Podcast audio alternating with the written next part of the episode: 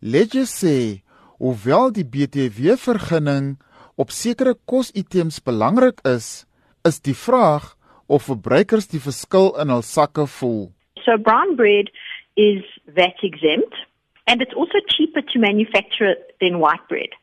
But at the same time, the retail price of brown bread and white bread are very similar. And that is because the retailers, you know, the VAT is charged on top of the retail price. So government has no control over the retail price. So what is happening is that retailers have effectively been making a profit on the fact that brown bread is zero rated and they haven't been passing that benefit on to the consumer.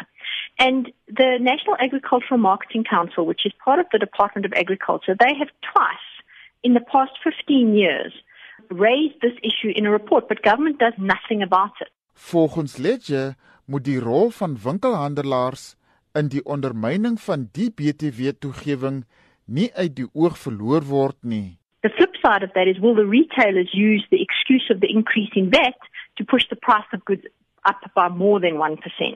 And the evidence suggests that they are more than likely to do that. I mean, during the drought, we were told that the price of milk, for example, went up because of the drought. But the price that we paid went up three rand a litre, but the price that the farmers got paid only went up 70 cents a litre. So I think that that's the first thing is, is whether or not consumers are actually getting the benefits of zero rated VAT foodstuffs. It's the retail margin on food is a much bigger determinant of what consumers are actually paying for food than whether or not it is zero VAT rated. Gee 'n voorbeeld van een produk wat sy dink ook op die lys van kwytgeskelde BTW kositems moet wees.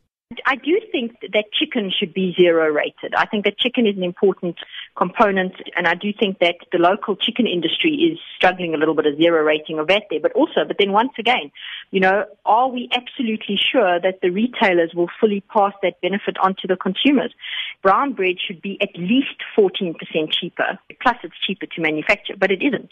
And it's because retailers are, are taking advantage of its VAT exempt status to just make a higher margin on it than they make on white bread. 'n Gebrek aan voldoende ondersteuning vir klein boere en gemeenskappe dra grootliks by tot 'n gebrek aan huishoudelike voedselproduksie, sê Ledger.